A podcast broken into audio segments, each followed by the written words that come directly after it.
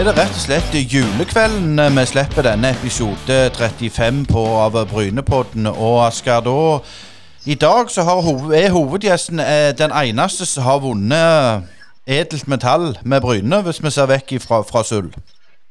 Ja, det er selveste Bjarne Berntsen som jo har stått i stormen i, i det siste. Og det blir spennende å høre hva han har å si om, om tingens tilstand.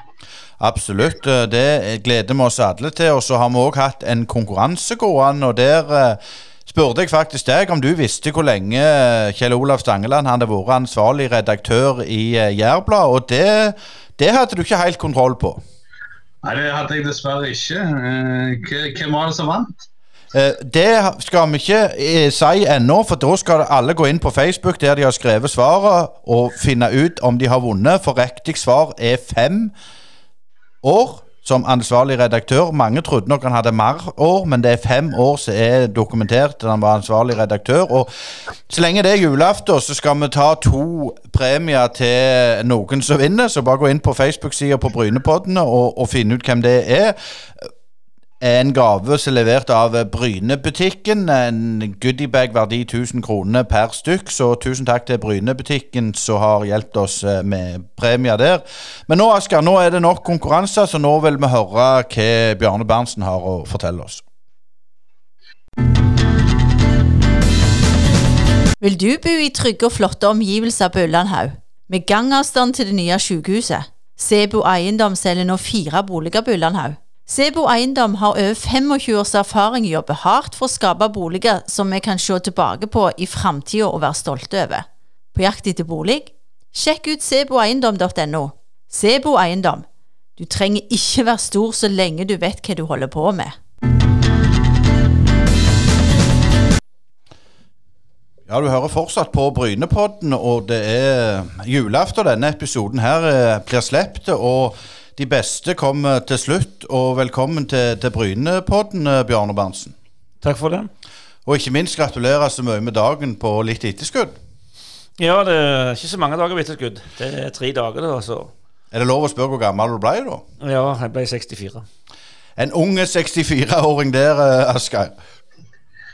Ja, eh, utvilsomt. Og, og en mann som har eh, gjort seg bemerka i, i vårt distrikt og utover distriktet siden så lenge jeg kan huske, eh, tilbake til slutten av 70-tallet. Eh, men jeg har lyst Bjørne, Bjarne, til å begynne med, med noe annet. Eh, så du har det er jo stormer rundt deg i det siste. men eh, det er òg en, en gammel kjenning av deg fra Figgentida, Sveinung Folkvår, som var en sliter i lokalfotballen i mange år, som eh, nylig gikk vekk så altfor tidlig. Eh, Kan du si litt om Sveinung og, og sånne, sånne som han, i hva de betyr for fotballen vi har hatt i Rogaland?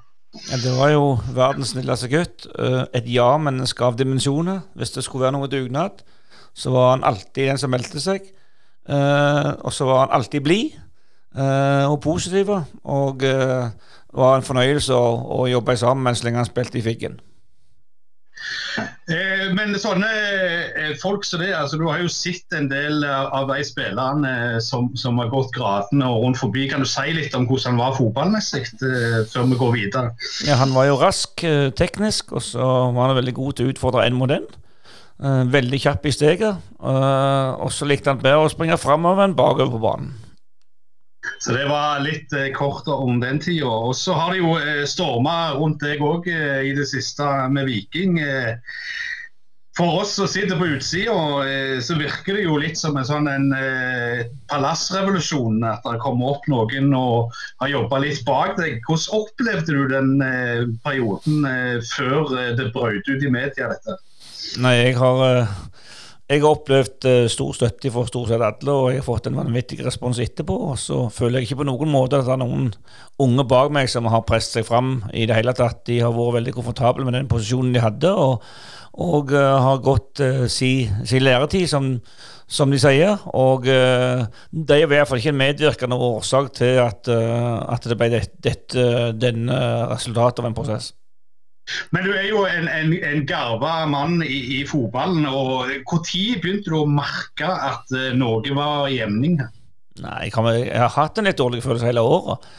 Og spesielt på, i, i høst. Og så, så, har jeg følt at det har, uh, har, skjedd en del prosesser bak ryggen som du ikke har vært helt klar over, ikke helt klar fange opp. Og når du, når du, gjør det så bra som du har gjort i disse her tre årene, så, så, er det ikke akkurat det du går og tenker på, at det, at det er noen som ønsker at det skal være et skifte. Så Derfor så kommer det veldig overraskende. Men, men skjedd er skjedd, og så får vi bare legge det bak oss. Og så er det ikke første gangen i, i fotballen at en, en markante personlighet må finne seg noe annet å gjøre. Eh, men jeg har lyst til å gå litt tilbake til den tida der du ble henta inn igjen. Eh, var det overraskende for deg at de ringte deg den gangen og ville ha deg tilbake i klubben som trener? Ja, det var veldig overraskende. Det var liksom litt fjernt at jeg skulle være klubbtrener igjen. Men uh, så lenge det ble en kombinasjon av sportssjef og, og trener, og at jeg fikk lov å hente inn to dyktige unge trenere, så ble jo min jobb mye mer som en sportssjef, manager, enn som en trener. Jeg har ikke vært veldig aktiv på, på treningsplanlegging og på feltet. Der har jeg hatt meget dyktige folk i Bjarte Lund Årsheim, uh, i uh, Morten Jensen, Kurt Heigro og Halvard Øen Grova. De fire har vært veldig sentrale i alt treningsarbeid. Og så har jeg uh, stått litt i bakgrunnen og vært en slags sikre på at det er kvalitet, det vi gjør. Og så skjer det jo alltid en del tøffe, utfordrende ting og, og på treninger som må håndteres. Og så har jeg hatt ansvar for laguttaket selvfølgelig og kampledelsen. Men eh, hvordan var det å, å, å, ta på seg managerrollen altså tilbake til, til, fotballen? Ikke som en administrator, men en som skulle liksom lede laget i kamp. og sånn. Eh, det har jo skjedd en rivende utvikling siden vel du trente sist gang? Det har det. Jeg kan bare sammenligne med, med med de to epokene så jeg blitt norgesmester som trener. I Bryne i 1987 og i Viking i 2019. Den store store, store forskjellen er jo selvfølgelig profesjonalisering blant spillerne. Men den aller største forskjellen det er jo teamet som du jobber med. Uh, når jeg var i Bryne, så var, det, var jeg på heltid som trener. Og så hadde jeg Hans Olav Braut som hjelpetrener, keepertrener, på deltid og full jobb utenom. Og, og, så hadde vi selvfølgelig litt medisinere og, og, og materialforvaltere og sånn, men, men rundt sport så var det oss to. Og nå er det jo selvfølgelig store store team som jobber rundt det sportslige. Du har analyseteam, og så, og så har du mange andre som også jobber rundt det sportslige. Så det er den store, store forskjellen.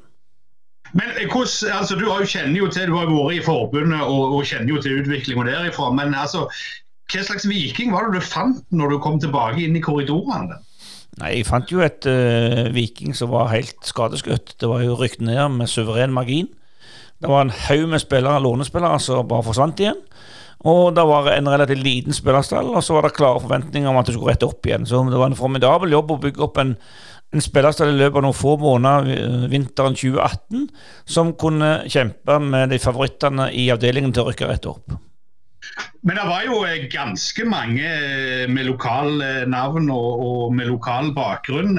Var det bevisst, eller var det ut ifra behov? Altså det dere hadde av ressurser, måtte dere bare gå den veien der? Ja, det var begge deler. For det første så har jeg alltid vært opptatt av at jeg ønsker å gi lokale spillere som er gode nok, sjansen. Uh, og når vi fant de gode nok, de som var, så var det ikke vits i å gå utover distriktet. Uh, vi gikk jo òg utover distriktet med Nogen, som, var, som, et, et, et, uh, som spilte en veldig viktig bidrag til opprykket. Blant annet Slatko Tripic og, og Christian Thorsvedt, som ikke fikk kontrakt i Stabæk. Så selv om han òg var lokal, og har bytt mesteparten av livet sitt i Stavanger, så, så, så, var han jo på Østlandet nå i de siste åra. Så de to var jo selvfølgelig veldig viktige sammen med andre spillere. Og så var det veldig kjekt at det var så mange unge lokale spillere som virkelig tok sjansen når de fikk den. Men eh, selvfølgelig som, som, trener av det Ja, dere kniva vel med Haugesund om, om, hvem som var best i fylket, men, men eh, hvordan var eh, ståa i Rogalandsfotballen blant unge talent vil du si, når du begynte i Viking og fikk litt, se deg litt rundt? Nei, Jeg syns det var mange uh, spennende spillere i mange ulike klubber. så så det gjelder bare å finne de som har det, det rette potensialet, de som vil jobbe hardt nok for å ta det neste steget. Men er det noe, eh, noe eh, sånn, eh, som, som, du syns blir gjort riktig, og noe bør, bør endres for rundt i klubbene, rundt satellittklubber osv., eller blir det drevet stort sett godt, syns du? Nå har det vært et veldig spesielt år i år. For at veldig mye av lokalfotballen har jo på en måte blitt rasert i forhold til at de ikke har fått lov å trene, verken trene skikkelig eller spille kamper. Så det skal bli veldig spennende å se hvor, uh, hvordan situasjonen er når de kommer tilbake så fullt igjen. Forhåpentligvis i løpet av neste år. Uh, jeg er redd for at, det, at, den lokale fotballen med kvalitet ikke tåler ett år til, sånn som det var i år. Eh, for det er jo å trene for fullt og spille kamper de ønsker. Og det er da de utvikler seg. Og vi, vi ser jo bare hvor, hvor problematisk det har vært eksempel i Viking med at vi ikke har hatt et toerlag som har fått lov å, å trene og spille kamper for fullt.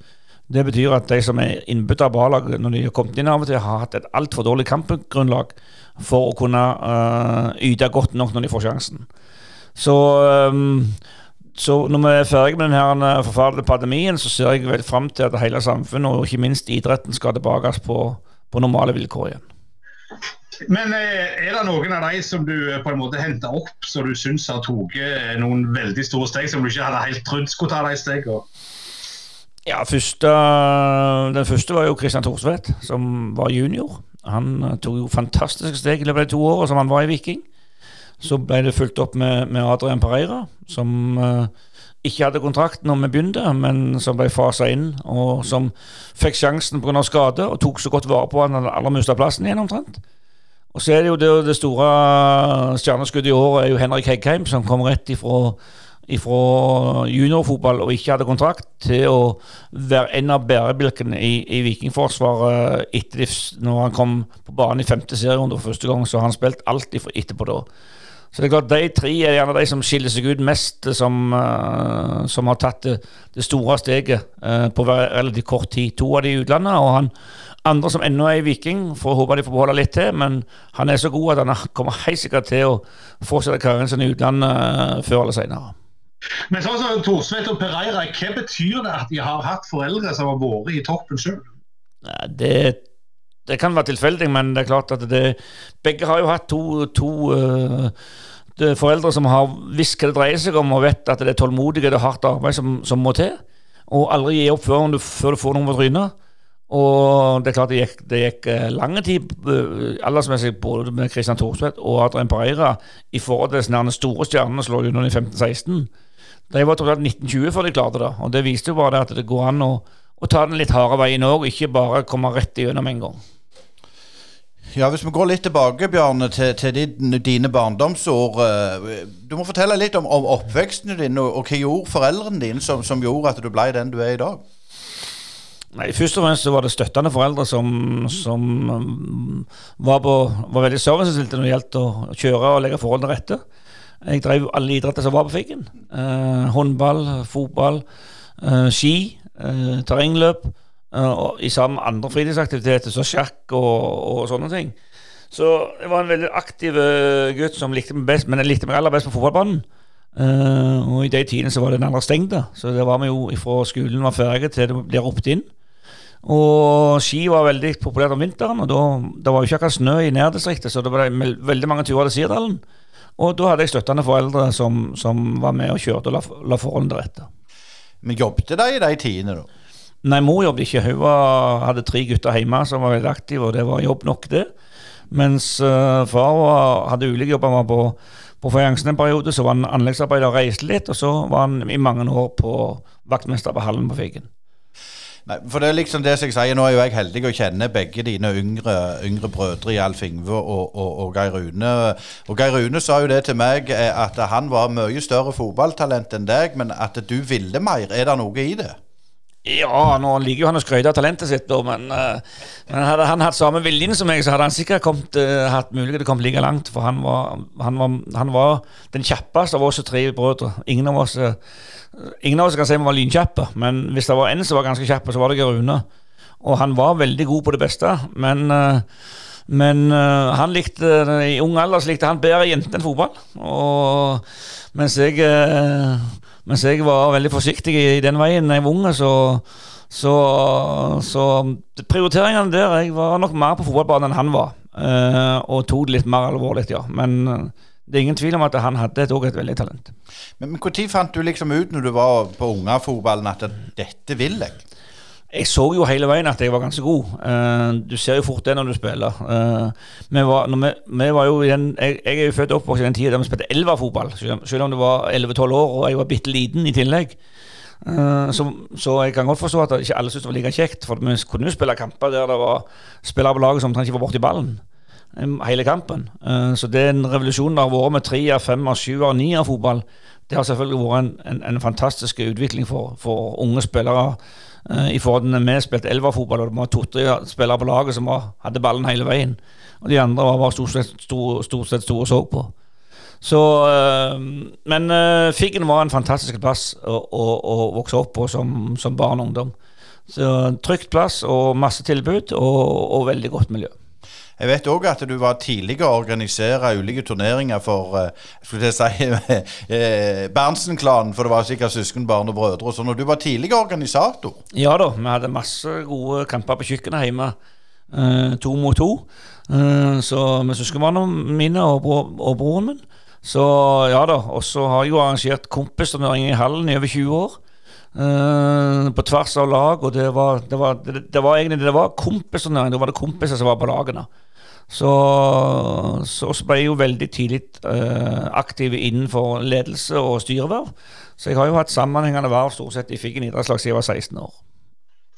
Men Bjørn, jeg har lyst til å spørre deg litt om Figgen. For, for Figgen er jo et, et, litt spesielt samfunn i Sandnes som ligger litt uføre kan du si, sentrum og, og de nye bydelene, sånn som Hana, Sandvåg, Andal osv. Eh, altså, det var veldig prega av, av fajansen og DFU og industri og sånn. Hva slags miljø var det på Fikken vil du si, når du vokste opp der? Det var et veldig godt miljø. Det var, det var stor frivillighet, og det var, det var et aktivt idrettslag. Det var aktiv sjakkgruppe, det var aktiv yngres, det var aktiv speider. Så vi mangla ikke på tilbud uh, på Figgen. Og det var veldig mange flotte, dyktige foreldre som, som, uh, som var drivkreftene bak de ulike aktivitetene. Og Hvordan oppsto kontakten med Viking? Det var vel i 77-sesongen du debuterte? Ja, det var fordi jeg vel, tror jeg var fordi vi spilte en sånn U-serie der, ehm, der ungdomslagene til Bryne og Viking spilte mot A-lagene til, til, oss i forlaget for lavere divisjoner. Og det var vel der både Bryne og Viking De Jeg har sikkert sett meg en stund, men det var først i de kampene spilte at de la veldig merke med meg. Og så fikk jeg forespørsel både for Bryne og Viking, og da den gangen så var det Viking som trakk lengst av strået når jeg valgte uh, å skifte ut Figgen for første gang som fotballspiller. Og hvem var det som, eh, altså Når du kom til Viking, hvordan var den overgangen fra, fra det du var vant til med på Figgen? Altså Det var jo ikke proff eh, på den tida, men eh, hvordan følte du nivåendringer? Ja, det, det, var selvfølgelig stor forskjell, men uh, treningsmessig var det mindre forskjell jeg hadde trodd. For jeg har jo alltid trent kolossalt mye på egen hånd utenom den organiserte treningen. Så, så treningsmessig var det ikke noe sjokk i det hele tatt. Men uh, selvfølgelig så var det mye bedre medspillere. Du gikk rett inn og spilte på elitenivå. Og jeg fikk jo veldig fort sjansen på, på U21-landslaget. Så det var jo en, en, sånn sett en, en drømmeinngang for meg med å gå rett inn på Vikinglaget, som da hadde en litt vanskelig periode. Etter mange gullårene sine. Og så var jeg òg heldig å få, å få en veldig tidlig debut på U21-landslaget. Men eh, det var jo som sagt ikke noe luksustilværelse å være toppspillere på den tida. Jeg har forstått eh, du bodde i et eh, ganske halvslarve hus på Figgen mens du spilte i Vike, iallfall i første år. Ja, mens vi bygde, så leide vi et eldgammelt hus på Figgen, så om det var Det var ikke noe forskjell på om det var blåste eller ikke, for det var samme trekken uansett. Så, eh, og så hadde jeg jo full jobb utenom, som lærer fra 1980 til 82, de to siste årene. Før det var jeg student på en, Først begynte jeg på idrettshøyskolen i Oslo og kombinerte med Viking. og Så gikk jeg to år på lærerskolen i Stavanger. Og så jobba jeg to år på, som lærer på Figgen før jeg begynte i, i fotballkretsen. Så jeg kombinerte det enten med full studie eller med, eh, med full jobb. Noen av de jeg har snakket med, de sier at du eh, i lærertida, altså det var jo to år det var snakk om, du var, du var veldig opptatt av at uh, elevene skulle ha en slags mestringsfølelse. Var det noe du var bevisst på alt den, den tida der? Ja, alle må føle mestring hvis de skal lykkes og trives. Så, så ja, det tror jeg jeg klarte å formidle på en fin måte. Hvor henta du det fra si, i, i, når du skulle lære, lære opp de unge? Holdt? Nei, Jeg henta det selvfølgelig fra, min utdannelse på idrettshøyskolen og, og, og, på, på lærerskolen. I de pedagogiske tingene. Og så hadde jeg en veldig uh, dyktig tre pedagogiske trenere et år i Kjell Skau Andreassen som jeg lærte veldig mye av når det gjaldt å, å, håndtere ulike personligheter. Men eh, altså i vikingtida, eh, hvordan var det f.eks.? Altså, Skauen var jo kjent for å være eh, systematisk og, og banebryter. Så fikk dere jo Tony Napp etter hvert i Viking. Som, jeg, hadde, jeg hadde Tony Napp i fire år før jeg fikk Skauen. Ja, men, men hvordan var, var, var, forskjellen på, på si, den engelske inngangen à la den gang og, og skauen etterpå? Nei, Det var jo veldig forskjellige. for det at uh, Den engelske det var den tøffe, harde metoden der treneren fortalte alt. og, og lite var, men, men, men Tony Nepp var en, en, en fantastisk lagleder, en taktiker av rang. Han var veldig veldig god til å snu kampforløp i, i vårt favør. Mens uh, Kjell Skau Andresen hadde en mye mer pedagogisk uh, uh, læringsinngang til sin måte å jobbe på som trener. Så det var veldig ulike personligheter, men begge to var fantastiske på sin måte. Og så fikk du jo oppleve The Double i 79. Hvordan var det for den unge Bjarne Berntsen? Det var selvfølgelig stort, og ekstra stort var det, var det å kunne bidra så mye i cupfinalen. der jeg der utligna Haugas en 1-0-ledelse på straffespark, uh, som, som viste seg å bli veldig viktig, uh, slik at vi vant kampen 2-1 og, og, og, kunne, kunne ta pokalen både i serie og cup i 79 med oss hjem til Stavanger. Og, og, landslaget det kom du òg eh, opp fra U21 opp på, på A-landslaget. Hvordan var landslaget den tida? Jeg må jo først og fremst takke Gabriel Høiland for det. For han uh, var tatt ut mot Finland i august 78 og måtte melde forfall pga. skade. Og så kom jeg inn i plassen for, for, Gabriel. Så uten hans forfall så hadde jeg uh, sannsynligvis ikke fått så mange landskamper som, som jeg fikk. Uh, og så fikk jeg komme innpå i Finland i den første gangen jeg var med på A-landslaget, og, og, fikk en veldig god karriere og mange kamper på kort tid. Fordi at vi hadde et, både et A-landslag og et OL-landslag som telte likt. Dermed ble det veldig mye kamper. Så når jeg fikk gullklokka i 81, så var det i den tid så var det den raskeste øh, veien som hadde vært fra 0 til 25 landskamper. Det er sikkert slått etterpå, men, men i den tida så var det iallfall den raskeste som hadde vært det da. Altså, altså, jeg har lyst til å dra opp to kontraster. Altså, du er jo en, en fan av engelsk fotball, vet vi. og eh, Det er jo de to kontrastene. altså 0-4 på Wembley og, og 2-1 på Ullevål mot England. Eh, hvordan vil du beskrive de to kampene?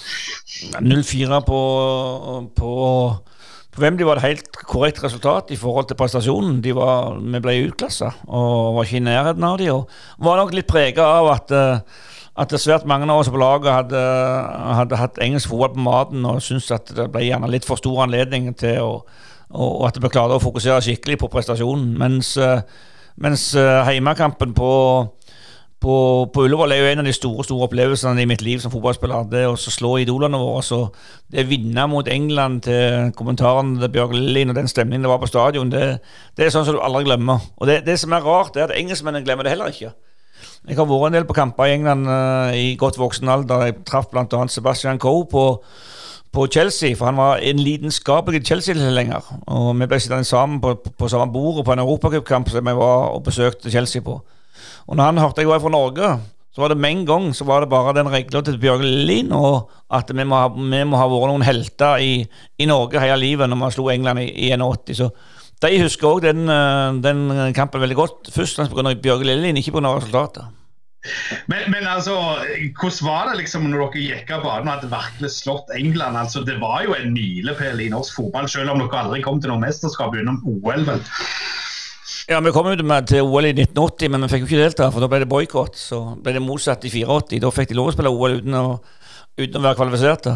Men da hadde jo jeg eh, trappa litt ned, så da var ikke, da var ikke jeg aktuell. Så det at vi ikke kom til OL i 1980, det var en kjempestor skuffelse personlig, syns jeg. For det, jeg hadde aldri trent så mye som jeg gjorde den vinteren 1980 for å være sikker på at jeg skulle være god nok til å komme på laget som skulle til OL. Eh, så det var, men du sa jo litt om slutten på England-kampen. Jeg, eh, jeg, var så opptatt på slutten av kampen om å, om å komme så nærme Keegan, Kevin Keegan som mulig for drakta hans. Det er det som var liksom, det mitt fokus. Det måtte, og jeg var veldig fornøyd når jeg fikk den drakta av han.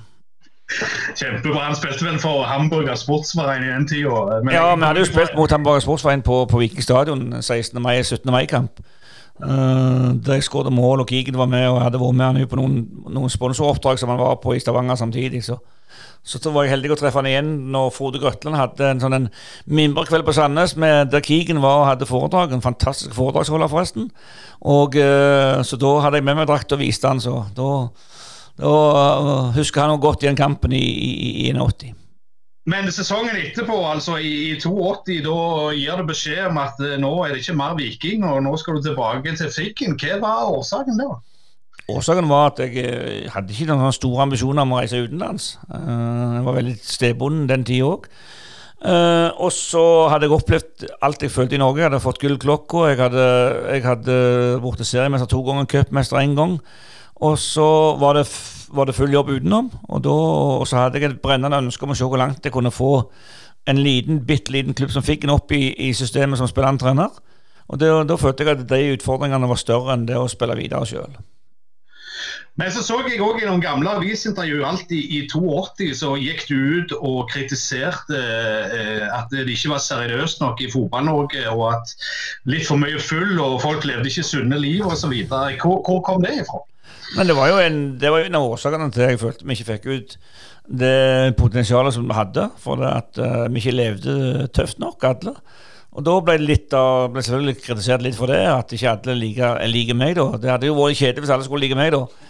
Det, hadde, det forstår jo jeg òg, men, men uh, tross alt så så jeg mente det, det, jeg mente det måtte, måtte, kunne forlange litt mer av, av toppspillere uh, i forhold til, til, livsstil og prioritering av fotballen. Men det gikk vel noen år før det holdt jeg på å si, begynte å slå inn for alvor i fotball-Norge? Det var vel litt sånn på galeien en, del år etter det òg?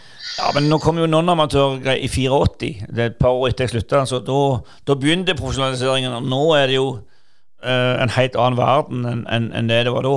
Det må jeg bare si. Og det er ikke bare i Norge, det er jo i mange land òg. Uh, eh, den, den det livssettet som en, enkelte engelske toppspillere hadde på, på, på 70-80-årene, det, det, tror jeg aldri hadde vært godkjent nå. Uh, jeg har lest med veldig stor interesse boka til Tony Adams, som der beskriver det miserable livet sitt med alkohol og fotball. Og Det er klart, det hadde aldri gått i, i dagens moderne fotball. Nei, det var vel Wenger fikk vel berga han sånn halvveis der og fikk, fikk uh, roa ned litt uh, på de siste årene iallfall. Men, men altså når du tok over Bryne etter hvert, uh, vi skal komme litt tilbake til Figgen, men altså når du begynte i Bryne, så begynte du òg noe sånn bevisstgjøring av kosthold osv. Altså, og det var jo ganske forut for sin tid den gangen, var det ikke det? Jo, jeg hadde, jeg hadde, en god eh, støttespiller i Reidar Omdal som, som, var veldig tydelig på hva som måtte til for å ta videre steg. Og uh, det var jo klart at jeg var jo veldig ung og uerfaren som topptrener. Jeg var vel yngste treneren omtrent som har vært i, i Eliteserien når jeg starta opp med Bryne. Så med, det ble jo, det ble jo tøffe tider, det òg. For at, etter første sesongen min i 86 så foretok vi jo en opprydning i spillerstallen som selvfølgelig ikke var like populære. Da var det jo mange, et, mange veldig eh, velrenommerte og populære uh, Bryne-spillere som, som, måtte finne seg noe annet å gjøre enn å spille for Bryne. Og så fikk vi jo en veld, veld, veldig opptur i 87 med cupgullet. Og så klarte ikke jeg som, som trener å takle den oppturen godt nok til å fortsette i 88 med gode resultater. Men, men litt innpå det, når du begynte i 86 i Bryne, så var du jo veldig ung. Ja, jeg var veldig ung. Med Figgen lå vel i uh, nivå tre, var det? Nivå tre, ja. Hvordan var den overgangen som trener? Hadde det gått i dag? Ja, det tror jeg. Det er mange unge lovende trenere nå som er på vei opp, men, men de, de, yngste starten nå var vanligvis i Obos-ligaen. Eh, ikke i Eliteserien, men jo, spesielt i Obos-ligaen er det veldig mange unge lovende trenere som eh, men eh, til sjuende og sist er det ofte de som er litt rutinert og har hatt noen år på baken, som til slutt får de beste resultatene. Ja, for det, det er litt sånn ydmyk holdning akkurat på det, men det er klart du er jo knalltøff som går ifra altså Selv om du har vært god å spille, så er det ikke dermed sagt at du blir god manager, men går til Bryne, og satser du, hiver ut vi kan jo Ja, det var jo tøft gjort av Bryne å satse med en så ung og umeritert trener som jeg var. Det var det. Men jeg tenker òg du, du var jo tøff. Uh, i lag sikkert med andre og heiv ut Gabriel Jeg, jeg sier det heiv ut, det høres brutalt ut, men en del Gabriel Høyland, Trond Sirevåg, Asker Kleppa og sånn. Ja, Av de som uh, forsvant, så, for, så, fikk jo Gabriel Høiland uh, tilbud om å være med videre. Og vi ønsket jo å ha han videre, men, men han liksom, følte liksom at han ikke var god nok og ble satsa nok på, og, og, og, ville da avslutte samtidig som de andre som ikke fikk, fikk samme muligheten som han fikk. Så, men det er jo, det blir, ofte blir en sannhet at du, du heier ut folk når du ikke heier dem ut. Men at de valgte det sjøl, det, det, er det ikke tvil om. Men, men det, vi gjorde jo noe rett i og med at du klarte å snekre sammen en spillerstall som ble, ble norgesmester for første gang i klubbens historie. Så, så, viste vi jo at det var gode spillere vi, vi fikk hente inn. Ja, det var litt sånn litt oppfølgingsspørsmål mitt. Vi hadde jo snakket med, med Kjell Olav eh, Stangeland òg, og han sier jo at eh, de hadde aldri vunnet Eller dere hadde aldri vunnet gull hvis du ikke hadde gjort det. Er du enig i det? Ja, det Ja, jeg tror det var helt nødvendig å få inn noen nye spillere, det var det. Men jeg tror nok vi kunne vunnet gull om de andre hadde vært med, bare du hadde en litt større stall da. Du hadde jo òg Arne Lars Nøkland med deg. Hvordan var det? Altså, det var jo en, en, en fotballproff som mest, eh, all respekt, litt større enn deg, Theo. Ja, ja, mye større. Og han var jo eldre enn meg òg. Men jeg var jo sjefen hans, og det fungerte veldig bra. Arne var kanonviktig i, i 87. Og vi så, ikke, vi, vi så jo ikke hvor, hvor sterkt vi, miste- vi savna han før han ikke var med i 88. Det var jo da du virkelig merka hva, hva spillertype både på og utenfor banen du mista når Arne ikke var med videre. Eh, Men, men fortell litt om den 87-sesongens ende med, med, med cupgull, der du vinner som trener som veldig ung. Hvordan var det som sagt, følelsesmessig? Var det en, for det sleit jo litt i serien. Ja, vi sleit på slutten i serien. Etter vi var klar for cupfinalen, så gjorde vi det veldig dårlig. Men før den tid så var vi kjempa helt der oppe. Men vi hadde jo en elendig avslutning, for vi klarte, ikke, vi klarte ikke kombinasjonen å være kommende cupfinalen første gang og da ha fokus på serien de siste fire-fem kampene. Uh, men, uh, og det var jo selvfølgelig fordi jeg, var veldig uerfaren. Hele klubben var uerfaren. Og det å komme til cupfinalen sånn som vi gjorde der, det, det setter jo hele brynet på hodet. Det ble ikke snakket noe annet enn, enn cupfinalen etter seieren, den overraskende seieren i Trondheim og Rosenborg. Vi må jo innom den semifinalen der. eh, Er det noe du husker sjøl, hadde jeg mest sagt? Ja, det er klart du husker det, når du ligger under 2-0 på Lerkendal og, og blir rundspilt. og, og du gjør noen, eh, noen endringer som er vellykka, og spillerne jobber knallhardt, og du klarer å snu det og vinne 3-2 etter at halve Trondheim hadde vært i, i pausen og bestilt uh, billetter til Oslo, så, så det er klart det, det var en god stemning på, på, på veien hjem da. Men eh, hvordan, eh, altså den 87-sesongen eh, Bryne jo, ble jo skrevet opp og ned om og inn mot 88, men altså VIP-tribunen kom på plass. Rune Hauge ga seg vel midt i sesongen da. Kan du si litt om, om hva som skjedde rundt det? Ja, altså Det første som skjedde, det var at jeg var veldig uh, utålmodig på at vi skulle bli, bli bedre. og Vi hadde en fantastisk uh, forsesong i 88 der vi spilte vanvittig god fotball på privatkampene. Blant annet så slo vi noen, knuste noen danske lag på, når vi var på treningsleir der. Og så fikk vi en dårlig start, og da håndterte jeg det veldig dårlig i, i spillergruppa. Og så kom aldri over, over den kneiken igjen. Og det er ofte sånn at når du er, når du er uerfaren, så, så blåser du Så, så, så går kula for varmt av og til. Og, og da er det veldig vanskelig å rette opp igjen etterpå når du får en dårlig start.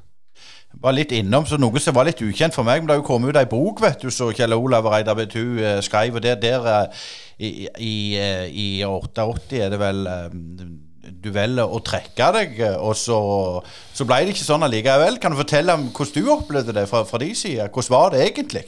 Nei, sånn som jeg husker det, nå er det veldig lenge siden, men sånn som jeg husker det, så, så bestemte jeg meg for at jeg ikke skulle forlenge kontrakten. Eh, som, som eh, det var en opsjon på. Jeg hadde jo en opsjon på å forlenge kontrakten, så bestemte jeg for at jeg ikke skulle gjøre det. Og så angra jeg på det, og så ville jeg gå tilbake på det og si at jeg ville forlenge likevel. Og da ønsket ikke klubben det. Og det hadde de full, full anledning til. Og dermed så ble det ikke noe videre enn de tre åra. Men altså, eh, det skjedde jo en, ting på Bryne som, som ikke hadde så mye betydning for, for tabellplassering og nedrykk osv. Den sommeren 88. altså Dere spilte mot Liverpool, og er jo, det er jo kjent at du har holdt med Liverpool. Men eh, hvordan var det å møte det laget der eh, med Barents og Beardsley og, og hele gjeng? Det var veldig kjekt, eh, selvfølgelig spesielt for meg som har, som har levd unna med Liverpool helt siden jeg ble opptatt av engelsk fotball, og er det ennå. Det som var veldig kjekt, det var at eh, jeg fikk et, et godt forhold til Kenny Dalglish og hjelpte han litt med å handle, handle inn noen gaver til døtrene som han hadde hjemme. Og endte opp med at han inviterte meg til, til Liverpool etter sesongen var ferdig. Og jeg reiste der på et eh, 14 dagers studieopphold. og Eh, helt utrolig, så fikk jeg være med på absolutt alt. eh, av det aller helligste, både på treningsfeltet og på, og på Anfield. Eh, og var med både med A-laget på reise og var med rekruttlaget på reise. Eh, og når jeg skulle uh, reise hjem etter 14 dager og skulle betale for på hotellet, så kunne jeg bare glemme å betale, for det var gjort opp av Liverpool. Så fantastisk service, og har vært heldig å få snakket med Kennedy Dalglish flere ganger etterpå. der vi mimrer litt tilbake altså at, uh, hva som skjedde i, i Norge, og, og, den gode kontakten vi fikk etterpå. Så er det selvfølgelig vanskelig å holde sånn en kontakt over, over lang tid, men, uh, men senest i fjor, for to år siden, så var jeg gjest på, på, på VIP-tribunen når Liverpool spilte en, en, en, kamp, så, så det var veldig kjekt.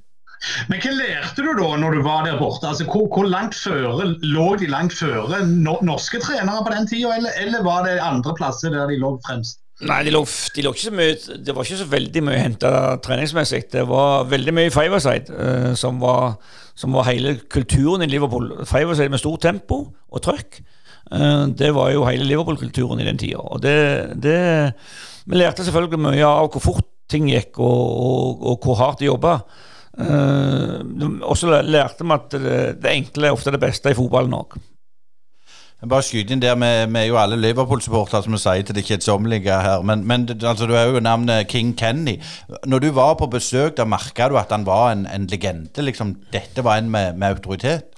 Merka var autoritet, men han var, han var jo ikke blitt den legenden da. Det er han jo blitt etterpå. Men han hadde en enorm autoritet. Uh, han var jo veldig stillfarende. Det var sjelden han sa noe.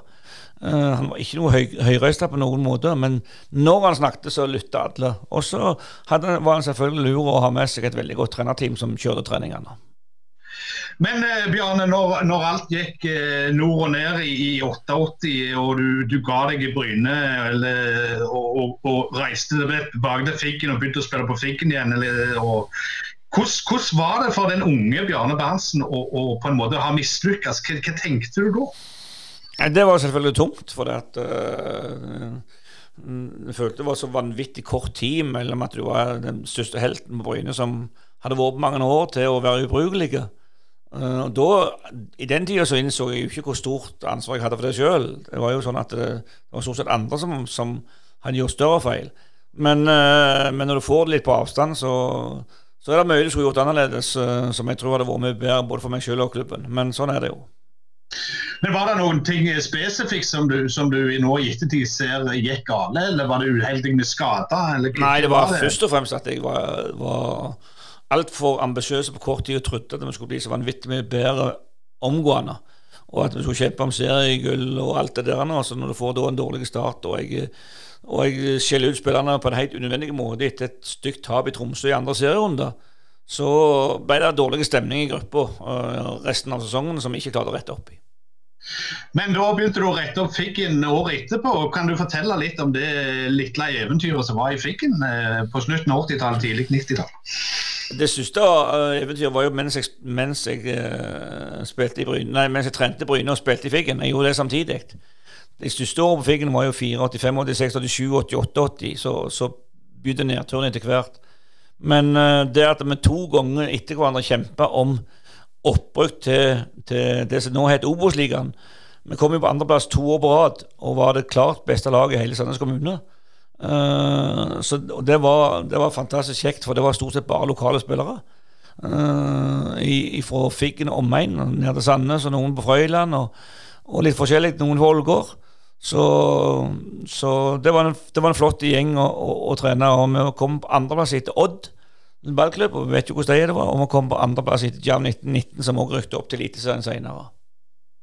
Men hva var det som klikka der, tror du, at, som gjorde at dere klarte å, å, å gjøre det så bra? Altså, eh... Jeg tror først og fremst var at vi trente nesten som et elitelag. Det var nesten ingen forskjell på treningen i, i treningsintensitet, eller treningsmengde, uh, i Viking når jeg spilte siste sesong i 82, som det var når jeg gikk til Figgen i 83.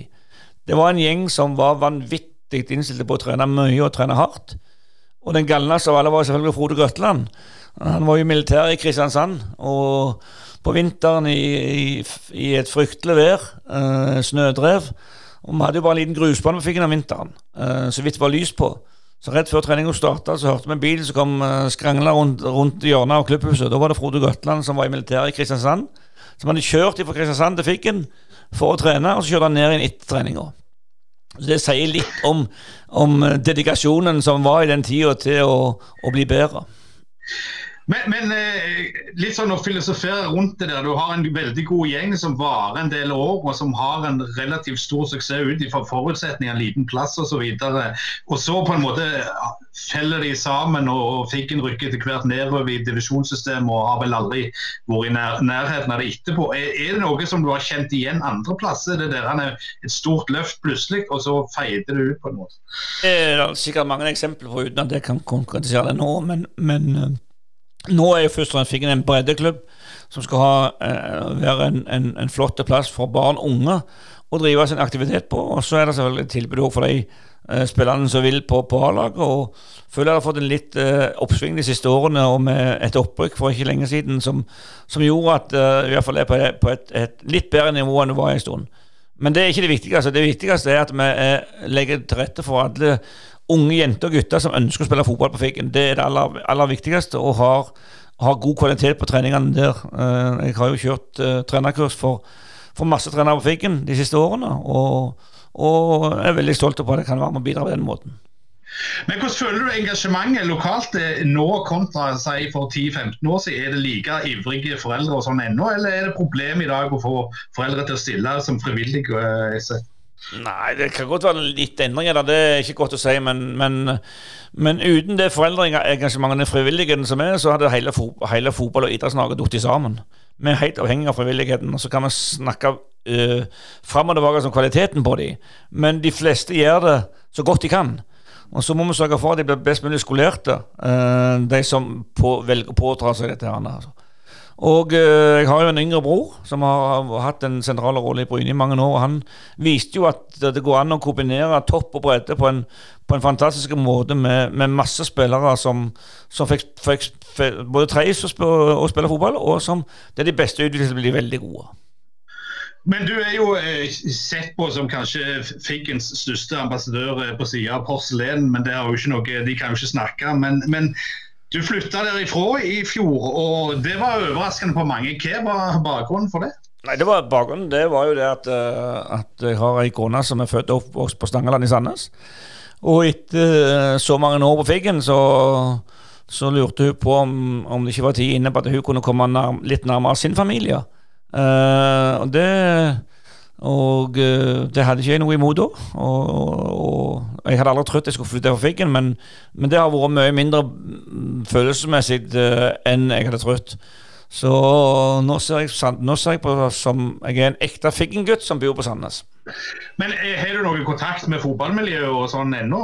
Ja, jeg har jo kontakt med idrettsmiljøet, for at jeg, jeg ennå bruker ganske mange timer i i måneden på å hjelpe til administrativt og føre regnskapene for, de, for hele idrettslaget og alle gruppene der. Og hjelpe til med administrative ting og ha medlemskartotek og alt sånne noen ting administrativt. Så jeg prøver å hjelpe til så godt jeg kan til, uh, på Figgen òg. Eh, før, før Asker kommer litt videre på, på, både på landslaget og din administrative arbeid i Viking igjen. Eh, når du forteller nå når du var hovedtrener i Bryne, du, du spilte fotball sjøl. Eh, du er jo ikke noe åtte til fire-mann. Nei, det har jeg aldri vært. Jeg, har, jeg liker lange dager, og jeg liker å ha aktive dager. Det eneste som jeg er elendig i, det er å passe på min egen form. Og den blir bare dårligere og dårligere. Den er nødt for å ta et krafttak igjen snart. Jeg tok et krafttak i 2007 og virkelig kom i form igjen, og det burde jeg absolutt gjort nå òg. Men, men, sånn føler du når, du når, du når, du blir litt eldre, at du tenker gjennom Jeg har vært litt drevet rovdrift for meg sjøl, jeg har forsaga familien og sånn, eller, eller, er det bare sånn du har kjørt på og syns det har vært så kjekt og det har vært greit for omgivelsene? Nei, jeg har selvfølgelig vært en stor egoist i forhold til å den enorme øh, den, det, at jeg har alltid prioritert det jeg har hatt lyst til. Uh, og ikke minst at jeg har brukt så vanvittig med frivillige tid på Figgen. Det er klart at det, jo, det går jo på bekostning av noen andre òg. Men uh, jeg er ganske god å være til stede i nuet. Så når jeg er på en plass, så er jeg, er jeg der for fullt. Og så, og så er jeg uh, og så er jeg ikke sånn som har masse andre interesser utenom. Så det går ikke tid på det. Men eh, Bjørn, jeg har lyst til å spørre litt om når, når trenergjerningen eh, Når du begynte å trene, sånn, hva, hva forbilde hadde du som, som, trener til å begynne med, og hvem har blitt forbildene gjennom år? Nei, det, det, er jo ikke tvil om at uh, jeg ble veldig påvirka av de trenerne jeg hadde i Viking. Tony Nepp hadde jeg i fire år. Og så hadde jeg Kjell Skau Andreassen i ett år. Og det er klart, De, de påvirka meg veldig mye, begge to, som, og følte jeg lærte veldig mye av dem, for de var veldig ulike. Uh, prøvde å ta det, det, det, det, beste ut av begge to, og gjerne glemme noen av det som jeg ikke var så veldig god på. Og så likevel så har jeg jo fulgt, uh, fulgt, engelsk fotball, og spesielt Liverpool, i alle år. Slik at uh, jeg leste jo alt jeg kunne komme over av litteratur, og, og, prøvde å holde meg oppdatert på hvordan de tenkte, og, og hvordan de drev. Og i, i, moderne tid så er, den, så er det jo den her de trenerne som gir veldig mye av seg sjøl, som, som, har en klar filosofi som jeg liker spesielt godt. og da er det jo ikke, Så lenge jeg er Liverpool-fan, så er det jo klart at Jørgen Klopp er jo, er jo selvfølgelig det store som nå alle snakker om, uh, som, som, den måten han har klart å, å få, få Liverpool tilbake på vinnersporet. Og med, både med Premier League for første gang i klubbens historie, Champions League osv. Så, videre, så er det helt fantastisk å se på, på hva et engasjement og et, en drive som han klarer å få til. Jeg har, jeg har jo truffet, jeg har ikke truffet han personlig, men jeg har sett han i aksjon flere ganger på La Manga. For at Borussia Dortmund, han trente de, de var veldig mye på La Manga eh, i januar måned når vi var der med norske klubber. Og den intensiteten og trøkket som var på treningene hans, det, det, det inspirerte veldig. At de kunne trene så tøft fotball to økte dagen som de gjorde, det, det inspirerte meg veldig til å, til å, si at vi har en del å gå på her når det gjelder treningsmengder. Men du nevnte jo Daglish Daglish tidligere, eh, og han kom jo tilbake til Liverpool som trener etter mange år utenfor trenervirket. Altså, Frykta du litt av den samme skjebnen når du kom tilbake til Viking, at du bare ville være sånn der og holde, holde litt taumene til å bli litt ro i leiren, og så kom noen andre inn med en gang? Nei, du kan, du kan bare si det som de andre. De trodde jeg var en utdatert dinosaur fotballmessig, så det tror jeg har tilbakebevist eh, alle om. og og jeg har jo, Selv om jeg ikke har vært aktiv fotballtrener, så har jeg vært veldig aktiv med å se kamper. Veldig aktiv til, til, å være på klubbesøk når jeg har hatt anledning til det, rundt om i verden. Så, så, jeg følte meg ikke utdatert i det hele tatt. Og så var jeg jo veldig bevisst på å ha med meg eh, et trenerteam som kunne gjøre mye av det praktiske arbeidet ute på feltet. Så, så dermed så var det ikke det den viktigste jobben for meg. Den viktigste jobben for meg var laguttak og kampledelse og spillelogistikk, eh, mens andre var mye mer I de tre årene jeg var i Viking, så har ikke jeg vært den mest sentrale på treningsfeltet i det hele tatt. Men eh, altså, det er jo ikke mange eh, trenere, topptrenere som kan skryte på seg at de har et administrativt talent når det gjelder økonomi osv., men det kan jo vitterlig du gjøre. Altså, Når begynte du å kombinere de to tingene, og hvorfor? Uh, det var jo fordi når jeg slutta i Bryne, eller når, når, ble, når det ikke ble noe mer i Bryne i 1988, nedrykket der, så så fikk jeg jo en forespørsel fra Viking om å bli daglig leder, og det hadde jeg, det hadde jeg egentlig ikke tenkt på da. For at, uh, da, jo, da, hadde jo klubben store økonomiske utfordringer. Hadde satsa vanvittig på å rykke opp igjen. Uh, og det klarte de jo i 88, så begynte jeg i januar 89. Det var en vanvittig økonomisk snuoperasjon. Men jeg tror jeg fikk jobben fordi at jeg hadde vist i tre og et halvt år i Rogaland fotballkrets at jeg var en veldig god administrator og veldig strukturert og kunne få ting raskt på plass. Uh, så det var nok mine tre et halvt år i, i, i fotballkretsen, det to og et halvt år da jeg var daglig leder, som gjorde at jeg fikk den muligheten i Viking uh, å, å, rydde opp i, i, i som, den situasjonen var kommet i da. Men, men videre så, så, ble du jo der ei en stund, men hvor, hvor gikk ferden videre etter, etter de årene i Viking? Ja, etter året i Viking så har jeg hatt Jeg hadde jo tre perioder der som daglig leder. Og mellom der så hadde jeg ett år som, som daglig leder i et lite reklamebyrå, og så hadde jeg to år der jeg var med og bygde opp uh, et, et, nytt TV Vest. Og utenom det så har det vært fotball hele veien. Blant annet så var jeg jo seks år i, sentralt i, for, i norsk toppfotball som styreleder og visepresident i Fotballforbundet. Litt sånn videre på den administrative biten. Det er klart, Du kom inn, ut, inn, ut, og så er det mye følelser, sånn som det er nå. Men så tenker jeg um, Blir du aldri lei? Fotball. Eh, jeg overrasker meg stadig i negativ forstand med at hvordan går det an å, å, å, sette seg ned og se tre kamper på en lørdag eller søndag uh, på fjernsyn, og så gjerne ha den siste kampen sjøl live? Så, så uh, jeg, er vel, jeg, er vel, det du kan kalle en fotballnerd uten like. Så, og jeg har like mye glede av å se en kamp på mellom Frøyland og Vaulen på Frøyland, som jeg har å se på Premier League på TV. Eh, det- i- Gjennom din eh, tid som administrator, kall det det, daglig eh, kall det hva du vil. Men fotballklubber må jo være eksperter på å bruke penger de ikke har. Hvorfor tror du det er sånn? Det er sånn for det at, eh, at det, betyr så vanvittig mye for, for lokalsamfunnet få resultater, og fotballen gir liksom mye. At av og til da så, så, så tenker du ikke helt klart. Og du, selv om du kan være en, vel- en utrolig anerkjent bedriftsleder, så er det andre mekanismer som, som gjør Og det er så utrolig følelsesstyrt. Og du er så opptatt av å få resultater at du av, av og til blir fristet dessverre til å ta snarveier. Har du tatt det? Veldig veldig sjelden jeg tok en snarvei økonomisk. Det har vært hardt arbeid og bygd opp i forbundet av å Selvfølgelig har du tatt sjanser i forhold til at du har brukt mye penger på én spiller, men da har, følt, da har du følt at det var helt nødvendig for å få de resultatene som du ønsker å ha. Eh, Du har jo òg vært og jobba tett på, på Roy Hodgson, òg en, en eh, engelsk manager. Hvordan, hvordan var det? Ja, det var, han var en veldig bestemt type. Han var fantastisk på feltet. Men først og fremst en engelsk gentleman. Så selv om det ble en, en litt trist avslutning på meg og hans samarbeid i Viking, der jeg måtte slutte etter kort tid, så har ikke det påvirka et godt vennskap etterpå. Jeg har besøkt Roy Hodgson både han var landslagssjef, jeg har besøkt han da han var i Fulham, jeg har besøkt, han i Crystal Palace. Og han er, han er en fantastisk mann som alltid tar seg god tid når du kommer på besøk, og, og virkelig ja, setter seg ned og, og snakker veldig mye om fag og snakker mye om, om tida som vi hadde sammen.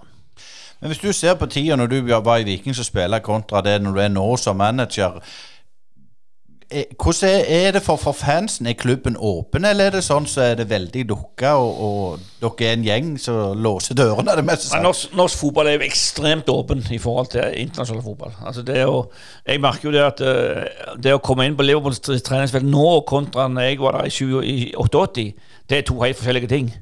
Eh, det kan ikke sammenlignes. Eh, den, den internasjonale fotballen blir mer og mer lukka og verre og verre å få innpass på. Mens den norske er så åpen som det går an. Vi har eh, det er ingen som har noen begrensninger. Vi har ikke hatt noen begrensninger når det gjelder om å komme på, på, på Viking og se på treningene. Vi har en åpen klubb med, med, med klubbestøren alltid åpen. Og jeg tror at det arbeidet som er gjort de siste tre-fire årene i Viking, har virkelig vært med på å få klubben tilbake sin til folket. Det er folk og fansen som er det viktigste for enhver klubb. Eh, Hvis vi skal ta litt den vikingtida, hva er du mest fornøyd med nå, sånn rent eh, etter du kom inn siste gang? Altså Selvfølgelig har folk fått de rykte opp og, og og, og det, men, men det skal vi snakke om litt seinere. Men andre ting? Nei, Det er først og fremst at du føler at du får, har fått stoltheten i, i, i byen og regionen tilbake for Viking. At uh, Viking er tilbake som, som den, den, det store i, i Stavanger. Eh, og Det, det syns jeg hele opplegget i forbindelse med cupfinalen i fjor viste. Det var, det var helt fantastisk engasjement fra vi var klar for cupfinalen til, til han var ferdigspilt. Men eh, du har jo hatt en del år i forbundet eh, og kjenner jo norsk fotball utmerka. Men, men eh, hva tror du er grunnen til at fotball i Norge eh, kontra andre land altså I England så er det jo stort sett London-lag, Manchester-lag, Liverpool eh, som domineres for de store byene. I Norge så er jo både Viking, Brann eh, og Vålerenga slitt med å liksom være stabile topp fire osv. Er det noen grunn til det, eller er det bare kulturen vår som gjør at det er sånn? Jeg tror bare det går på kvaliteten i arbeidet over lang tid, som, som ikke var god nok. eh, som gjorde at det var falt ut av og til. Og så er jo Oslo en så stor by at det skulle, skulle selvfølgelig vært mer enn ett stort lag. I, i storhetstida så var det jo fire Oslo-lag som var i, i den øverste divisjonen. Så, og nå er det bare ett. Så, så, så det er klart, i forhold til størrelsen så er det jo Oslo som har underprosert eh, desidert mest i Norge. Men du er jo selvfølgelig òg en mann som tok eh, kvinnelandslaget til, til sølvmedalje i, i EM, var det vel? Og, og kan Ja, du si en sølv og en, en en bronse. Og en bronse, men, men du kan si at eh, Norge siden det, i fotball for kvinner er jo ikke så dominerende som kanskje var i, i den tida, altså fra 90-tallet og utover. Eh, Hva tror du er årsaken til det? Har de blitt mer like mennene der, eller er det andre ting som spiller inn? Det er jo først og fremst fordi at de store landene har satsa mye mer etter hvert. Eh, Norge var jo pioner på kvinnefotball. Og eh, sammen med USA og Kina så, og Tyskland så var jo det de fire store i, i mange, mange år, og dominerte. Eh, og Norge tok jo VM-gull i 95 og, og OL-gull i 2000, som var de to store, store uh, årene i norsk kvinnefotball. Og etter det, etter 2000 så har vi vært i OL kun én gang. Og Det var i 2008 da jeg hadde klart å kvalifisere til Beijing. Ingen andre OL har vi klart å kvalifisere oss til. Og Det viser bare hvor tøft det er når de store store landene uh, satser på kvinnefotball fullt, de òg. Og nå ser vi jo at uh, den engelske ligaen, den tyske ligaen, er langt, langt før den norske ligaen uh, i, i, uh, i, ressurser. Og dermed så betyr jo at de norske klubbene blir tappa for de beste spillerne mye raskere enn tidligere. Og det betyr at det norske produktet er ikke like godt som det var. Men som sagt, du ser, jo mye fotball, og, og landslaget eh, klarte nå ikke å kvalifisere seg til mesterskap nå igjen, selv om det var nærme igjen, eh, mesten, men, men, ikke helt. Eh, hva tror du årsaken er til at vi ikke har klart å kvalifisere oss på herresida på si, si slutten av si, si 2000? Noe fordi vi ikke er gode nok, andre fordi vi har hatt eh, gjerne såkalte nødvendige marginene mot oss. Vi har jo vært veldig nærme noen ganger og har vært disse uforklarlige tab, personlige tabber som du aldri kan gradere deg mot. Og så litt uh, utur, selvfølgelig. Og jeg syns jo spesielt i år, da, så Med det laget vi har nå, så uh, og med Ståle Solbakken i landslagssjefrollen nå, så tror jeg det kan bli ei, ei, ei kjempespennende tid for norsk landslagsfotball framover. Du nevnte jo tidligere broren Alf Ingve eh, med talentutvikling osv. Hva slags syn har du, altså grunnsyn på talentutvikling? Hvordan bør det gjøres eh, etter ditt syn? Nei, jeg syns meg og han eh, har mye like oppfatninger i forhold til, øh, til flest mulig, lengst mulig, og så må du få best mulig ut de som virkelig vil. Og de som vil mest, de må få ekstratilbud hele veien. Og det er det jeg tror jeg har vært litt av suksessfaktoren her nå. Så er det å velge rett klubb videre når du føler at du er ferdig i en klubb. Og Der syns jeg at uh, et av de store virkelig gode eksemplene i, i norsk fotballhistorie nå, det er jo Erling Braut, som tok de, tok de rette stegene til riktige tidspunkt, fra Bryne til Molde. Uh, kom som en hengslete gutt opp til Molde, og, og om, det var, om det var maten til hun kokka der oppe som gjorde utslaget, det vet ikke jeg, men uh, han har iallfall blitt en, en, vanvittig atlet og en, et, et, fysisk monster som, som jo alle forspillere frykter. Det at han òg tok omveien via uh, Salzburg før han gikk videre til Dortmund, det tror jeg var helt riktig. Og neste steget det er jo nødt for å bli et av de virkelig store, store lagene i Europa. Eh, når man ser på, på karrieren din på, på, på administrativt og, og trener, så, så, så, lykkes du. Det er jeg ikke i tvil om. Men det blir òg litt, litt, eh, litt sjau, som vi sier på jærsk. Er du en krevende leder? Ja da, og jeg tror at vinnere er krevende. Jeg tror jeg er mye mye mindre krevende enn Alex Førgesen i sin tid. Og var, Da kan du snakke om vinner. Uh, jeg tror ikke det er mulig å være vinnerskalle uten at, uh, at uh, det ligger noen igjen som ikke er like happy for alt du har gjort. det er det som er vinnerskalle. Du er villig til å omtrent gå under veggene for å få til det du ønsker å oppnå. Så det er jeg ikke overraska over. Men hvis, du, hvis, det er noen lyttere, altså en unge trenerspire og, og, unge eh, på en måte spillere, hva råd har du til dem? Det er å jobbe knallhardt hver dag og være tro mot den filosofien du har. Eh, enkelt og greit? Ja. Hard jobbing hele veien. Det, det er ingenting, kan, ingenting kan erstatte mye god trening. Ja, jeg vet ikke jeg, Asker. Har du noe å komme med? Ja, det har jeg. Eh, nå, Bjørn, har det jo roa seg litt etter den eh, voldsomme stormen som var for, for et par uker siden. og Du har vel fått eh, tenkt litt, og det nærmer seg jul. og hva er, tenker du framover nå? Er du mm, klar for nye oppgaver, og hvor så i så fall? Ja, nå har jeg blitt 64. Det betyr jo at jeg har noen år igjen ennå, føler jeg. Og hva det blir, det vet jeg ikke akkurat når jeg snakker her, iallfall. Uh, om, om jeg vet noe mer når det sendes, det, det, vet jeg ikke. For ting går så fort i fotball av og til. Uh, av og til så går det seint, men, men, men, når det skjedde i Viking, så har jeg iallfall veldig god tid før jeg må finne meg noe annet. Det er alltid et godt utgangspunkt. Bare skyte inn der, Bjarne. Har du fått beilere på banen?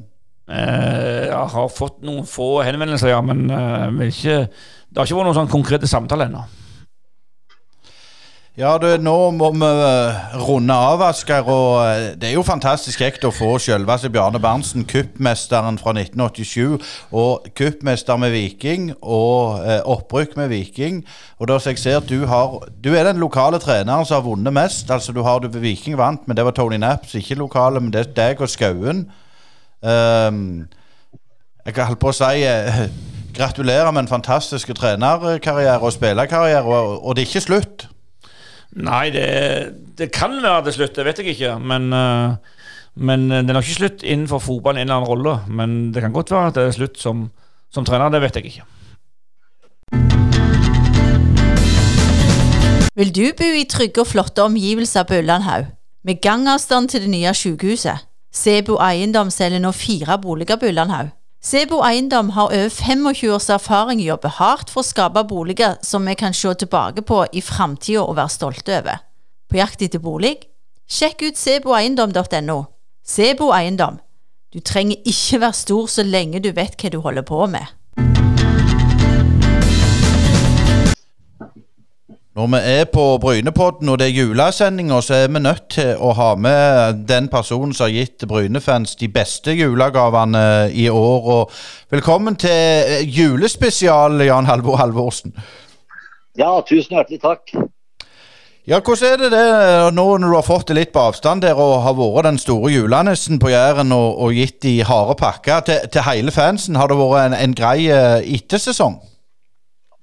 Ja da, det har vært veldig, veldig greit det. Også, og veldig fornøyd med at vi ja, sikra opprykket to runder før slutt. Og at, eh, at vi, eh, at vi ja, fullførte også sesongen på en strålende måte. Og veldig, og veldig godt å se alle alle de som var glade med Brynehjerter, at at vi lyktes, lyktes i år. Eh, før eh, Asker slipper til med litt sånn intelligente spørsmål, av det meste sagt, så skal jeg ta meg av det litt trivielle. For hvordan er det Halvorsen-familien feirer jul? Dere har jo flytta litt rundt med, med, din karriere, både som spiller og trener. Men er det noe som er fast? Er det pinnekjøtt? Er det fisk? Fortell litt om tradisjonene deres. Ja, vi har som du sier, vi har jo flytta veldig mye rundt. Og vi har jo stort sett eh, dratt hjem eh, ja, til familien til kona stort sett i, i jula. Og, og reist rundt, eh, rundt forbi. I, I, år så skal vi bare være hjemme hos oss sjøl. Og så er det de to eldste sønnene som er hjemme etter jul. Og, og da er det hos oss pinnekjøtt da, som står på menyen. Ja, Asker, eh, pinnekjøtt det blir det jo for oss her på Jæren òg, men det er vel gjerne ikke det du, din spesialitet der du er? Nei, det blir nok noe eh, lam, lamaktig for meg òg. Jeg savner jo pinnekjøtt, selvsagt. Men eh, Jan Halvor, eh, før vi går til bords, kan, kan, vi få litt status per, per 24.12. Hvordan det ligger an med, med troppen for neste år? Ja, eh, veldig fornøyd. Vi vi, ehm, vi, kommer ikke til å ha masse utskiftninger i år. Altså, nå har vi en god stamme i laget. Alle de som eh, kan du si av de som eh, spilte mest eh, på laget i år, alle er jo med videre. Sånn at, at det, det, betyr at vi har en veldig bra kontinuitet i stallen vår. Som da er selvfølgelig veldig viktig i forhold til at Eh, vi kan jobbe videre med det som har fungert veldig bra i forhold til både spillestil og rollene i laget. Sånn at eh, jeg er veldig fornøyd med at vi nå ja, kan ha litt eh, god tid og vi kan få på plass de tre-fire brikkene som, som, mangler, og bruke litt god tid på det. Så det ser, ser, veldig bra ut. Vi kan egentlig starte opp med alle de vi har nå i januar og, og være ganske veldig bra fornøyd. Men hvordan eh, angriper du det at eh, både Tippeligaen og Obos er så seint ferdigspilt i år, hvis du skal hente noen fra de nivået der? Altså, hvor lenge må du vente før du kan begynne å få dem på trening, eventuelt de som vil komme inn fra, fra eventuelt Obos eller Tippeligaen? Ja, nei, altså det, det, er liksom det som er fordelen for oss nå. At ikke vi ikke har noe sånn veldig hastverk. Eh, Eh, med å få på plass eh, spillere. liksom At vi må ha de fort på plass. Eh, nå har vi som sagt en, en veldig bra stall, som, som, betyr at det er bra kontinuitet. sånn at da kan vi bruke litt god tid på de siste posisjonene, eller de spillerne vi skal ha inn som skal passe inn i, i det vi har fra før av. Så, sånn som nå så får jeg sett en del Obos-ligakamper og får fulgt med en del. og så gjelder det å ha litt is i magen. Da. Det er ikke at man ikke forhaster seg. For, som sagt, så, som du sier, så spiller jeg jo både Obos-ligaen og, og Eliteserien ennå. Så det er litt på en måte klubbens marked nå? Ja da, det, det føler jeg. Eh, og Fordelen også nå da, er jo at vi, vi har tatt steget opp i Obos-ligaen, som betyr at, eh, at man er mye mer attraktiv i og med at man er tilbake i toppfotballen. Eh, Er det noe med disse posisjonene som har endra seg i forhold til, til det som var, var nevnt tidligere, eller er det de samme tre-tre posisjonene du ønsker å, å, å forsterke? Nei, det blir, eh, som vi har vært eh, litt inne på tidligere, altså utgangspunktet Man vet jo aldri, men utgangspunktet er jo en i hvert ledd, eh, som, er, som er normalt. Så, så nå, har vi, nå har hatt litt møter og litt sånn, og vi har litt sånn småting på gang. Men eh, vi får se hvordan det utvikler seg her nå før, før nyttår. Ja, vi skal ikke holde deg så, så lenge her, eh, Jan Halvor. Men, men Asgeir eh, Ja, jeg vet ikke hva vi skal si på, på julaften. jeg. Det har jo vært en fantastisk kjekk sesong å få hatt med Jan Halvor eh, på, og vært så positiv til oss i podden. Så det må vi jo si tusen takk for, for at du har vært fantastisk å samarbeide med, Jan Halvor. Så, så håper jeg at du kan ta en, en, en god julhilsen.